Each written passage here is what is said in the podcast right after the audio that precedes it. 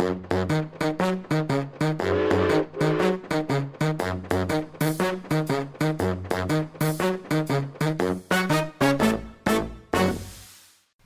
vi kommet oss i studio igjen, og jeg ønsker alle lytterne hjertelig velkommen til en ny episode i eh, Ekspedert. En podkast som vi produserer her fra Narvik museum.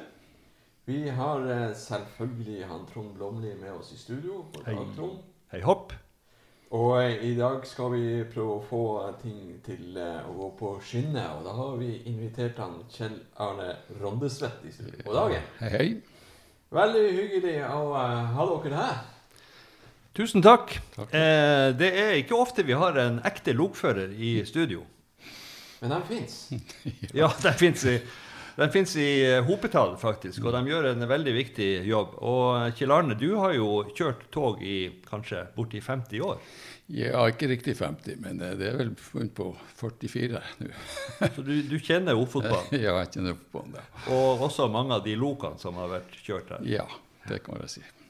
Og eh, dagens tema er jo faktisk en av Ofoten museum, eller Narvik museum, sine største og i hvert fall tyngste gjenstander. Nemlig lokomotivet EL12. EL tipper jeg står for elektrisk lokomotiv. Ja, det er jo en sånn fellesbetegnelse de hadde NSB fra EL1 og så utover. Ja. Og det er ikke mange igjen av EL12. Nei, det er vel de to som finnes her i byen, og så finnes det vel et par i, i Luleå, på museet, Ja. så vidt jeg vet. Museet i Malmbanens Venner sitt museum i Luleå de har også to seksjoner, eller to lok. Men før vi går inn i enkelthetene av det her eh, EL12-lokomotivet, så kanskje vi skal ta litt grann teknisk om denne eh, gjenstanden. For det er jo, det er jo en eh, tung sak. 200 tonn. Ja, borti Sånn, 200 tonn. Ja. Eh, Er det for to seksjoner i hop, eller er det for én en enkelt seksjon? Eh, sånn enkeltseksjoner så eh, regner jeg med sånn ca. 85 tonn per seksjon. Ja. Men så kom du på litt grann ballast og sånt eh, underveis. med. Og når de ble bygd på 50-tallet, eh, så ble de bygd i Sverige. Det var de som kunne bygge lokomotiv. Ja, det bygde de jo samtidig som de bygde SJ sine DM-lok. Ja, Så det, det er altså et nært slektskap mellom DM3, som er det svenske Ja, I Malmö-toget. I utgangspunktet så var det egentlig helt samme loka. De samme loka? Ja. Ja, Men så gjorde jo svenskene større ombygninger underveis som ikke ble gjort på EL12. Akkurat. Men eh, når, de kom, eh, når de kom på 50-tallet, så var det altså verdens sterkeste lokomotiv. Ja, det var sagt sterkeste elektriske lokomotiv. Ja. Ja. Og eh, Ofotbanen har vel en tradisjon på å ha de sterkeste lokomotivene i verden. Ja, det er vel de tyngste togene i Europa også. Det er klart de må vel ha de, de sterkeste lokene. Ja.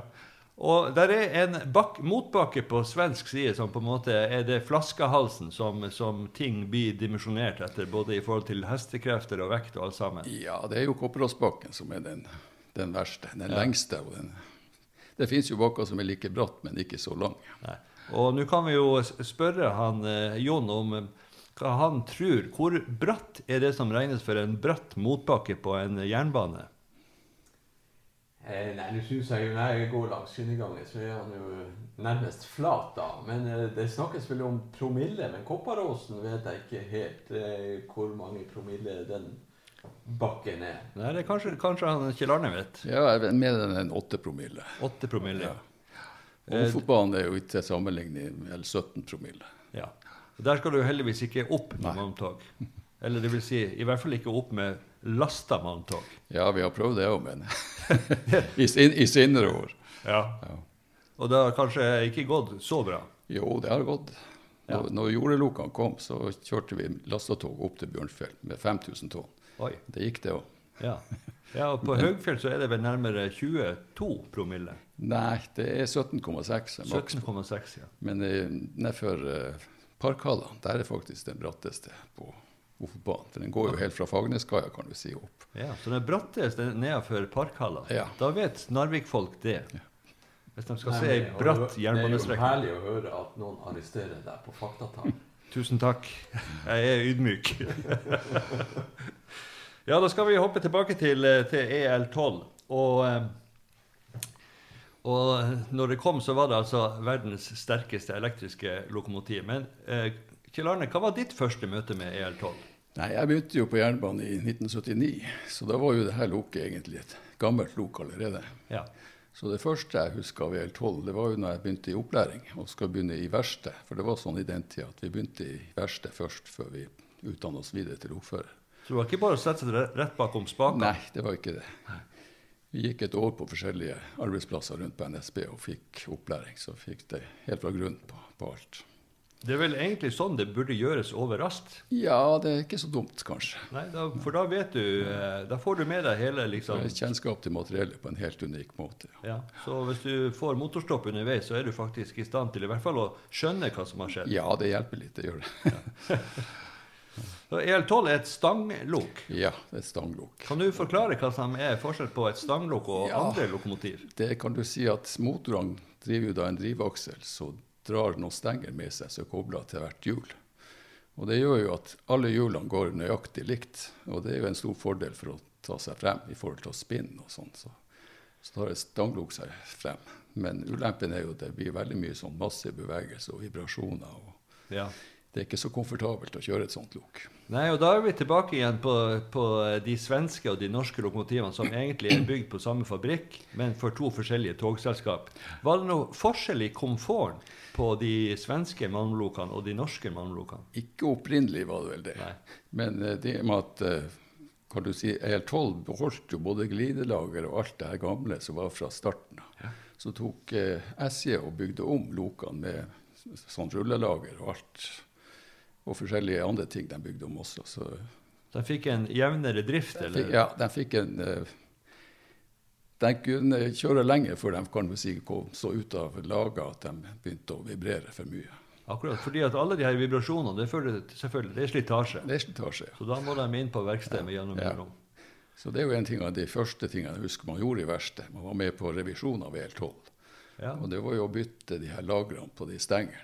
Akkurat. Da satt man med kniver og, og skava av det hvitmetallet på lagrene for å få det til å passe til tappene.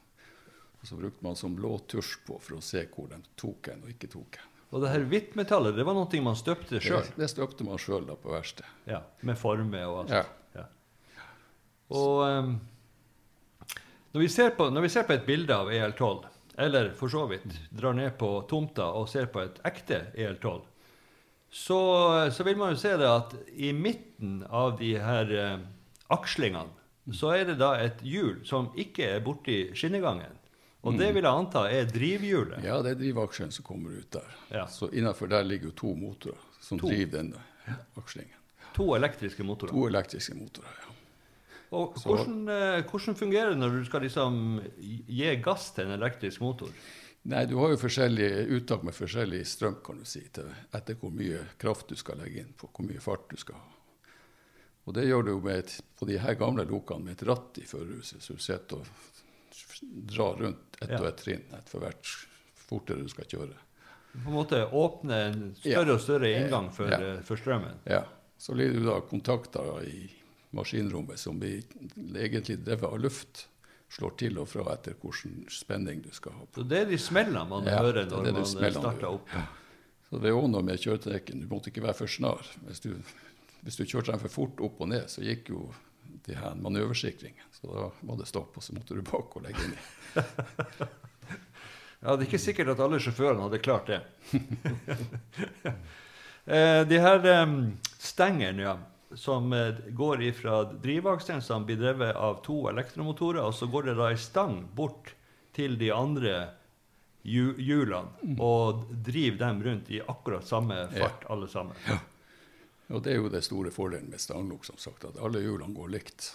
Så du kan ikke ha sånn Ja. som du har på mer moderne lok med enkel akseldrift, for da kan én motor eller ett hjul slire i Ja, forhold til de andre. Men det, det slipper du med sånn stanglok. Da går alle helt likt. Ja. Er det noen eh, Ja, du sa jo det med slitasje er jo selvfølgelig en ulempe med et stanglokomotiv. Men er det andre ulemper? Nei, det er vel det at det, det sliter jo mye på skinnegangen og, og hjul og alt det her. For det er jo ei stiv ramme, så hjulene går jo veldig sånn i en kurve. Så vil det være mye sånn motstand. Ja. Det skjønner vel du, eh, Jon, at når du kommer i en sving med et tog, så vil jo den eh, innerste skinna ha en eh, kortere omkrets enn den ytterste skinna. Men hvis hjulene går akkurat i samme fart, så vil jo det si at eh, noen av hjulene på en måte spiser seg ned i skinnegangen. Ja, nå er det jo laga sånn at hvis man ser på et toghjul, så er det en skrå, en så, såkalt profil på hjulet. Ja. Og den er jo skrådd sånn at når loket blir pressa ut i kurven, så blir det hjulet som går ytterst, størst. Akkurat, ja. Og så blir det jo innerst som går minst. Og Noen ut, har- utligner du litt av den, den uh, ulempen med at du har forskjellig lengde ytterst og innerst. Noen Ting- har tenkt, seg om. Noen har tenkt seg om. Ja. Ja. Jeg skjønner, eh, skinne, eh, Skinnegangen er også en ren vitenskap. Det er, også, det er ikke bare noen jernskinner som ligger der, men mange tanker bak det. Ja, det, det. Vi skal nok antagelig komme tilbake til det her med skinnegang, for det er jo kanskje en egen episode. Eh, I tillegg så skal vi jo ha en egen episode om eh, de her MAS-vognene. Mm. Eh, var du med å kjøre tog som hadde MAS-vogn etter seg? Ja, det var det jeg med på. Og de var vel i drift jeg tror jeg, sånn midt på 80-tallet. Ja. Og eh, da de første årene jeg begynte, så var det jo de vognene som var. Ja. I tillegg til de her UAD-vognene som kom i 67. Kan du forklare hva en masvogn er? Eh, Det var de første treaksla Ja. vognene. Og den var veldig spesiell, Med både bremsesystemet og alt var helt unikt, egentlig. Ja. Og så hadde de den ulempen når de kom ned til Narvik. Fordi at Malmen skal jo bare forbi Narvik. Han skal jo forlate toget og, og hoppe over i en båt. Jeg så forresten to malmbåter på veien. Det har jeg ikke sett før to stykker som kommer i lag innen fjorden. Men det skjedde så i dag. De skal jo ta Malmen videre til Europa. Eh, men masvognene, de, eh, de måtte tømmes. Altså de, det var ikke sånn at eh, det var luke i eh, bunnen på dem. Så hver, når ei vogn skulle tømmes, så tror jeg det var to eller tre mann i hvert fall med spett. Mm. Det stemmer. Så da skjønner du hvorfor Bolaget var byens største arbeidsplass med 1200-1300 arbeidere. Men Nå sa du at du skulle lage en egen episode. Ja, om, så da vi kommer tilbake til Masvognen. Ja. Men vi har, eh, det er nevnt noe som begrep her, EL12, eh, NSB kalte dem Mm. eh, EL-betegnelse og hvilket nummer i rekka. Men så sier du de svenske som er ganske like. Ja, Hva de ble kalt de ble kalt for DM. Og det var først DM2, for da var det to seksjoner der òg, når de kjørte de gamle masvognene som vi nettopp snakka om. Da var det jo ei vekt på opptil 3600 tonn i togene. Og da var det nok med to seksjoner, både med DM-en og EL12. Så eh, etter hvert så det øka på at vi kom ut på 60-tallet, så fikk de nye vogner, og da måtte de da ta en seksjon til for å klare å dra de her vognene. Og da ble EL12 tredelt, og så ble DM-en bygd et ekstra seksjon i midten, som ble kalt for DM3. Ja. Men på norsk side, eller de NSB-eide, så var det tre fullverdige lokomotiv. Ja, de ble ble Ja. ikke bygd sånn sammen som de svenske. Derfor ble de litt lengre enn DM-en. Mm. Så det her er mange ting å holde rede på.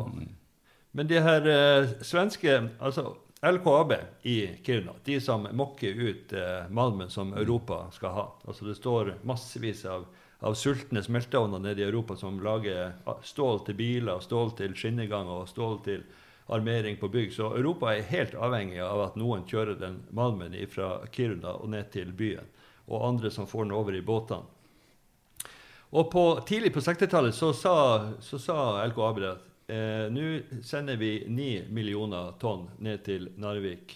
Og det er altfor lite. Vi må nesten doble hvis vi skal eh, holde i kapp med etterspørselen. Dette var jo etter krigen, kanskje 15 år etter krigen. og Ting begynte å blomstre i Europa. Tyskland begynte å bygge seg opp etter å ha vært helt pulverisert. Og det var behov for mer og mer malm fra Kiruna. Og da var det da enten De sa det. Enten må vi bygge et dobbeltspor allerede i 62. Yeah. Eller så må vi gjøre noe med togene. Og da må vi ha andre vogner og andre lok. Fordi at da må vi eh, opp i vekt for å kunne klare å doble transporten. Så da var altså eh, ombygging av EL12 mm. og ombygging av DM2-loket til et DM3-lok. Det var vel en, Den der tida så var jo enda både EL3 og EL4 i drift til omtrent midt på 60-tallet. Okay. Så de ble da utrangert i den tida. Og da kom jo da ble de bygd en treseksjon lok av EL12, og så kom jo EL15 også i tillegg.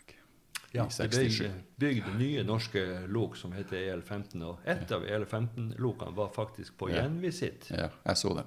Ja. Den ble vel først egentlig solgt til Romania. Ja, altså det, EL15 var jo en del av en stor serie som ble bygd for Romano. Han, Ceausescu han hadde bestemt seg at jernbanen skulle han satse på. Ja. Så han bestilte jo da en hel bråte med sånne L15-lok. Fra Norge. nei, fra Sverige. Ja.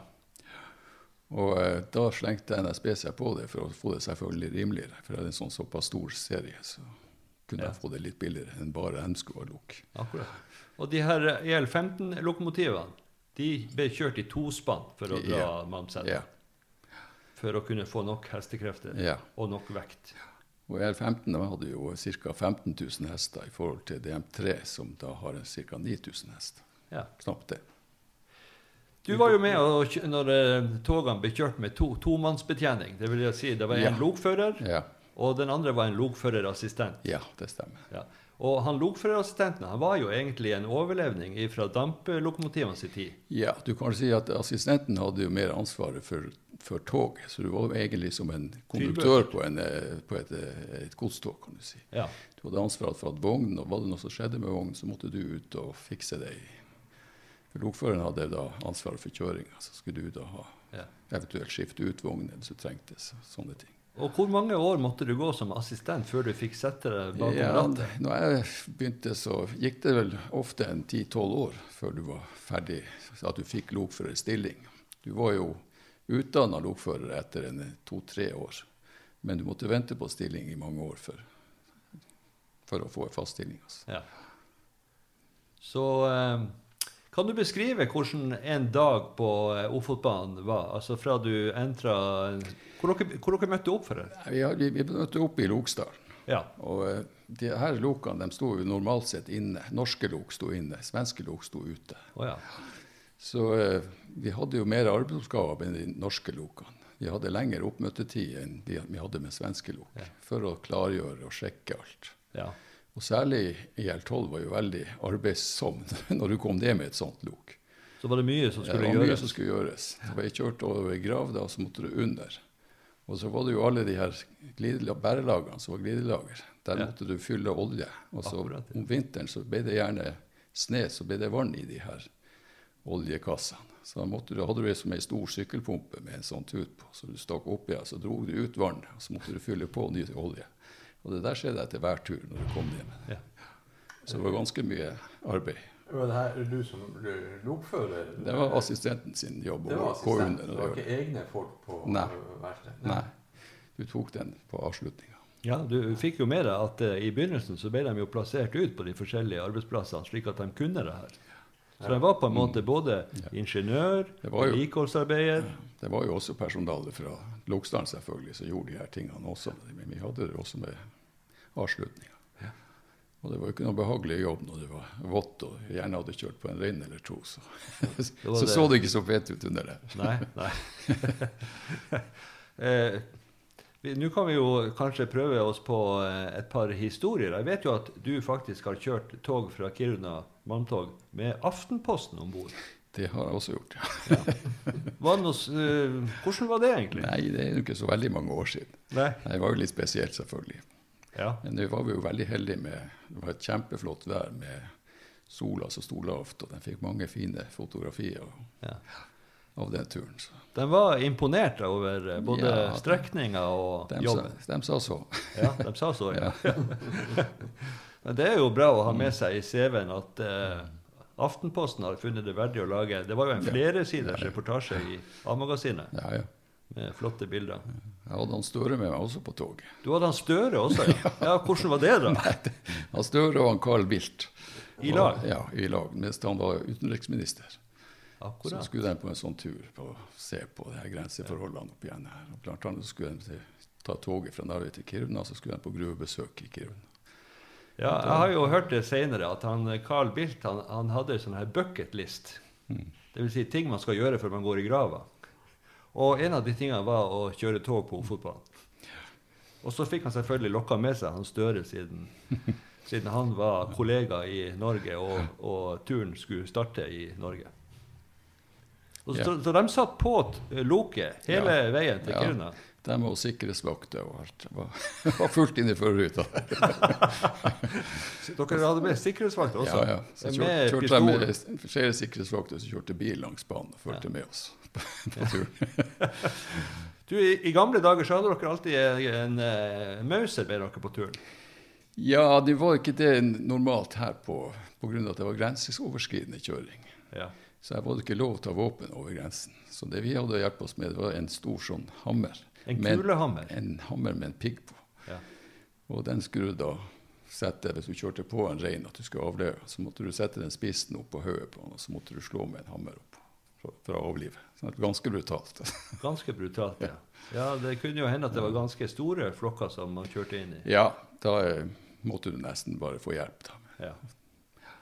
Men eh, det, når du kjørte på noen, det, det tar jo veldig lang tid å stoppe et manntog. Ja, det er jo det. Så, så det, i dag, når du er en mann alene på loket, så kan du ikke gjøre det. Da må Nei. du bare ringe etter hjelp, så kommer de ut med baneavdeling. Men i gamle dager, når dere var to stykker dere, eh, Det første dere gjorde når dere liksom skulle stoppe sånn utenfor en stasjonsområde, hva, hvordan var fremgangsmåten da? Nei, det var nå å stoppe toget så fort som mulig hvis du hadde kjørt på noe. Så var det jo å kle på seg og så begynne å gå bakover. Det kunne være ganske streifsomt hvis det var mye snø. og Var det noen sånn prosedyrer for å skru til håndbrekket på vognen? Er ikke normalt hvis du hadde strøm tilgjengelig og loket var i drift. Men ja. fikk du noe feil så du mista strømmen, så må du faktisk ut og skru på skrubrekk på hver enkelt vogn. Okay. Ja, for da at det, det er altså trykkluft som holder bremsen bort fra å bremse. Og når trykklufta forsvinner, så går bremsen på. Ja, på den måten. Vi kaller det for automatisk virkende brems. Altså Hvis du sliter eh, kobling mellom to vogner, så går bremsen på. For da Automatisk. forsvinner lufta. Ja. Så det, der ligger jo sikkerheten. ja. Andre dramatiske episoder fra et liv på Ofotbanen? ikke som jeg kommer på her i Nei, farten. du har ikke kjørt på jerv eller gaupe eller Eh, Jo, sånne ting har man jo rett som det at man kjører på dyr. da. Ja. Men det, det er jo ikke så veldig sånn med jerv og sånne ting. Det er mer sjelden. Jeg hørte ei historie om en elg som var blitt påkjørt. Og han var blitt truffet så, såpass eh, midt foran lokomotivet at han, han var klistra fast i fronten oppå buffertene framme på lokomotivet. Buffertene er jo de her to jerntingene som stikker ut. Som, ja, de de skal liksom ta imot støtet når du kjører imot vogner og andre tog. Og, der, eh, og det var jo eh, masse Det var på, sent på høsten, så han eh, frøs fast der framme på Lokers. Så han kom helskinna ned til byen, død. Eh, og så ble han lagt på en, eh, et par paller på stasjonsområdet. Fordi at viltnemnda skulle komme og ta seg av han. Men eh, ryktene på byen gikk så fort at når viltnemnda kom fram, så var det bare beingrinda igjen. Sier historien. så eh, Vi eh, er tilbake på eh, EL12 og Narvik museums tyngste utstillingsgjenstand. Mm. Og dere har noen planer, Jon, for det her lokomotivet i byen? Vi har jo det. Når en gjenstand blir museal, så er det en alvorlig ting. Så eh, da skal vi ta vare på gjenstandene så godt vi kan, og dokumentere hva det her er for, for ettertida. Så eh, det har jo stått nede på Skomakeren, som det heter. Det er baneområdet helt ned med, med, med Bolaget. Siden det ble hensatt eh, på begynnelsen av 90-tallet. EL12 med seksjonsnummer 2119 og 2120. Og der sto det nå i like mange år som det var i drift, med det forfallet da som uh, skjer. da. Det var stort sett knuste ruter. og Det var stort sett måsen som holdt til i denne eh, lo- lokene. Og Eh, mengder av mose på taket. og mose og rust, ikke minst. Så eh, som eh, ny i museumsbransjen så bretta jeg opp armene og sa at ja, det her fikser vi fort. Det er jo bare 200 tonn med jern vi skal ta vare på. så eh, siden vi starta da med, med et gjeng ungdommer fra både Narvik og, eh, ja, fra Syria og eh, Etiopia og rundt omkring. Så eh, gikk vi i gang med skrape og høytrykksspyler og fikk eh, spyla det rent. Eh, ba Måsen pent om å flytte seg og finne seg et eh, annet plass å lage reir. Eh, Skifta noen ruter og shina så godt vi kunne. Fikk låne Lokstad 1 da, og, eh, og verkstedet til, til, til jernbanen. Og så eh, fikk vi omsider shina det opp såpass at eh, nå står det og skinner i sine originale farger og sin, sin logo fra 70-80-tallet. Ja. Ja, det er jo synd ikke noen har tenkt på det her tidligere. Nå hadde både tre og fire skulle vært bevart. Ja, det skulle det. det skulle det. Vi må bare ta vare på det vi har å ta vare på. Så, eh, så Men det varmer vel et gammelt lokførerhjerte å se at uh... Jo, det var jo ikke noe artig å se det sto og forfalt der nede. Nei. Det var det ikke. Nei, så vi har, eh, vi har jo mye planer. Det skal jo ikke stå der. Dessverre så er det jo sånn at det er såpass mye trafikk på Ofotbanen at det ikke bare for eh, publikum å komme seg ned dit og kikke på det. Jeg posta jo en sak på Facebook for en stund siden hvor jeg tok bilder av en, eh, en skinnegang. Ny, helt nylagt skinnegang. Som gikk rett inn i en husvegg. Og så skrev jeg det at her begynte de med å videreføre Nord-Norgebanen, men så traff de på et gammelt NSB-hus som måtte stoppe. Ja, det er helt rett. Vi har fått lagt skinnene og klart å ta imot eh, EL12-lokene. Så EL12 kommer utafor Narvik museum. Det kommer utafor Narvik museum eh, i løpet av eh, kort tid, er planene. Ha. Så det er jo det er ikke bare å flytte de her 200 tonnene. Nå har vi letta dem litt for ballast og eh, noen eh, kompressormotorer for, for å lette vekta litt. Grann. Men vi har folk i byen som kan løfte svære ting, sier de. Ja. Vi har folk i byen som kan trekke svære, tunge ting. Eh, Ja, ja, ja. Så det er ingenting er, stort eller tungt nok eh, for folk fra, denne byen. Så, sånn er det bare. Og, um, så eh, vi har fått laga de her 30 meter skinnegang som vi skal få plass til. Det er jo 26 meter langt, de her to seksjonene til sammen. Og skal plassere det på plena utenfor NSB-bygninga her, som Mm. nå da er museum. Skulle gjerne hatt det i tilknytning til eh, vanlig spordrift, da, men det, det er ikke plass til oss. Nei. Så eh, NSBs bygning her oppe på Bergen det, Berget har jo sin eh, historiske verdi. Og det å kunne få sette det her eh, loket i eh, utstilling så folk kan Ja, det, er- egentlig er det to lokomotiv. Ja, det er jo det. Hvis vi ser her, så er det altså eh, EL12 nummer eh, 2119 og 2120. Det er riktig. Mm. Det er det vi snakker om. Mm. Og de er ganske så unike. De er mm. laga for Ofotbanen. Mm. og kun gått på Ofotbanen. Eh, og det er de I hvert fall ut av de som ennå står på egne hjul, så er det det best bevarte i Ja. hele verden. Ja, 25 meter langt totalt når de to Ja, du skulle rette meg igjen. Hæ? Nei, nei, nei, nei. Jeg bare tenkte på at du hadde bygd 30 meter skinnegang. Det, holder akkurat. Det holder. Du har fem meter å gå på. Nei, så det, det, det har vært mye jobb med, med det. Det er jo en god del tillatelse og en god del eh, penger som skal med for å få flytta de her tingene. Det er svære kraner som skal i, i drift, og svære trailere for å flytte det tvers gjennom byen. Fra der det står nå. Ja, Det blir litt av en happening. Det blir en happening. Ja. Det er litt sånn 17. mai julaften på samme tid. Kjell Arne, jeg må nå spørre deg, hva du tror han gamle Erling Stokland, som var driftssjef, hadde sagt hvis noen hadde foreslått at kan vi ikke ta et av de her EL12-lokene og sette på plenen vår? Nei, det er ikke godt å si. det hadde man neppe sett for seg. Nei, det var ingen som hadde sett det for seg. Det er mange som snur seg helt på, på grunn av det. det, kan du si, Plenen her det var jo en fantastisk hage med gartneri og Ja, det så virkelig pent ut der i Ja, gamle ja, dager. ja. Det gjorde det. De hadde kanskje egen gartner. De hadde egen gartner. Ja. Og så sto det, det, det Det så jo ikke noe dårlig ut på stasjonene heller. Det var jo det ene smykket etter det andre sånn med velklipt, velstelte plener og blomster og I den tida så hadde de nesten alle sånn yrkesgruppe innenfor eget tak, holdt på å si. Ja. NSB hadde jo alt fra snekkere til rørleggere. og Faren min var bl.a. rørlegger på NSB. Akkurat, ja. Så de hadde jo forskjellige yrkesgrupper som jobba i NSB. Ja, de hadde jo sikkert malere og snekkere også. Malere og snekkere hadde de, ja. Og som sagt gartnere. Ja. Og i dag så kjøpes alt. Eh, jeg vil jo si det at gamle dager var faktisk bedre enn det vi har i dag. Alt var så mye bedre under krigen.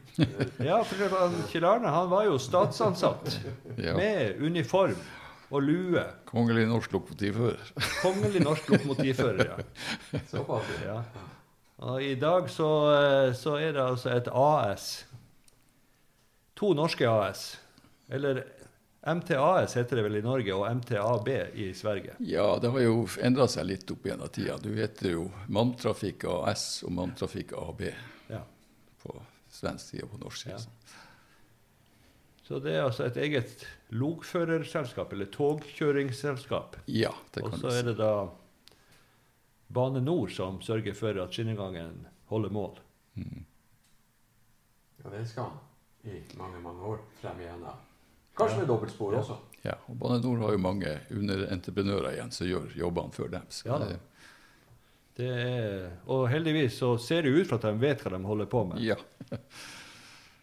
um, var det noen gang på dine mange turer når du kryssa eh, mellom Kiruna og Narvik i all slags vær, at du tenkte over at du hadde en uh, viktig jobb i denne eh, kjeden med å sende malm til stålverkene? ja, man var i hvert fall en liten, liten brikke i det store spillet som Ja. var med å få det her til å fungere. Ja, det ble jo sagt det at, eh, at var du lokfører, så kunne du være stolt over jobben din. fordi at i andre byer så for eh, byens beste ungdom inn på nærmeste universitet eller handelshøyskole og ble professorer og ingeniører og alt mulig. Men i Narvik så ble de lokførere. Det var godt nok. Da jeg begynte på NSB i, i 79 og for på skoler i Oslo, så lå skoler, jernbaneskoler på Blindern. Og da var den populært kalt eh, Jernbaneuniversitetet. Jernbaneuniversitet, ja.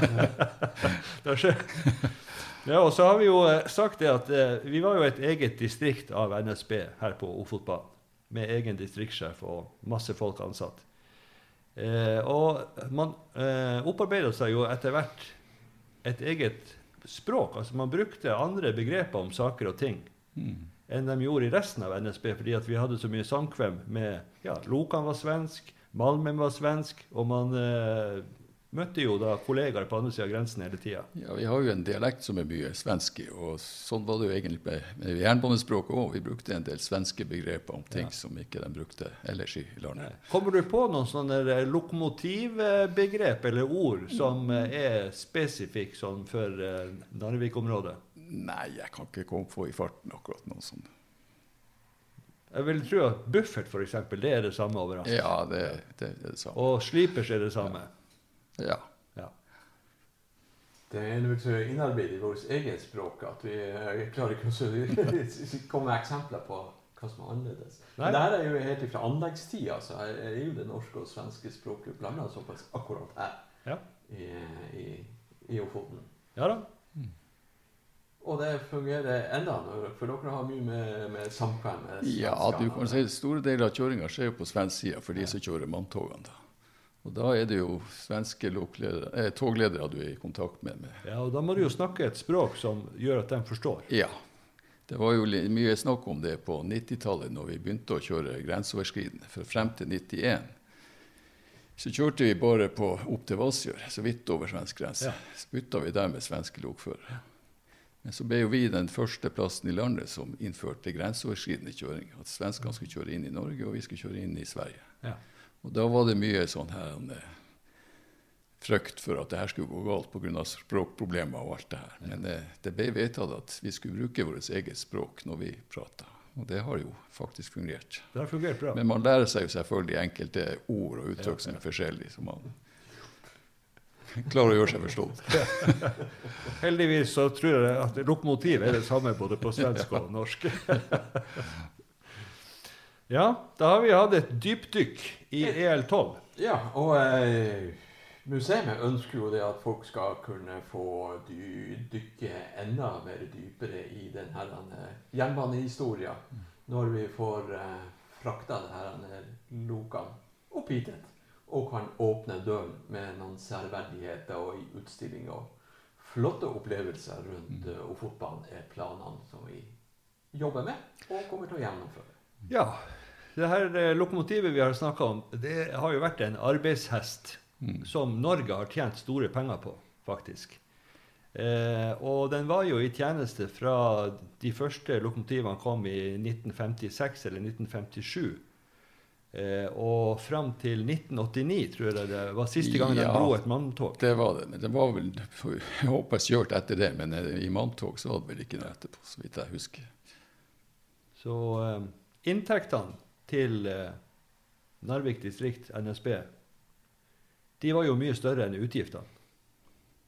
Eh, år om annet så tror jeg vi sendte ned til Oslo 50 millioner sånn i overskudd. Mm. Som da ble brukt på de andre banene som alle sammen gikk med underskudd. Ja, det var vel sånn.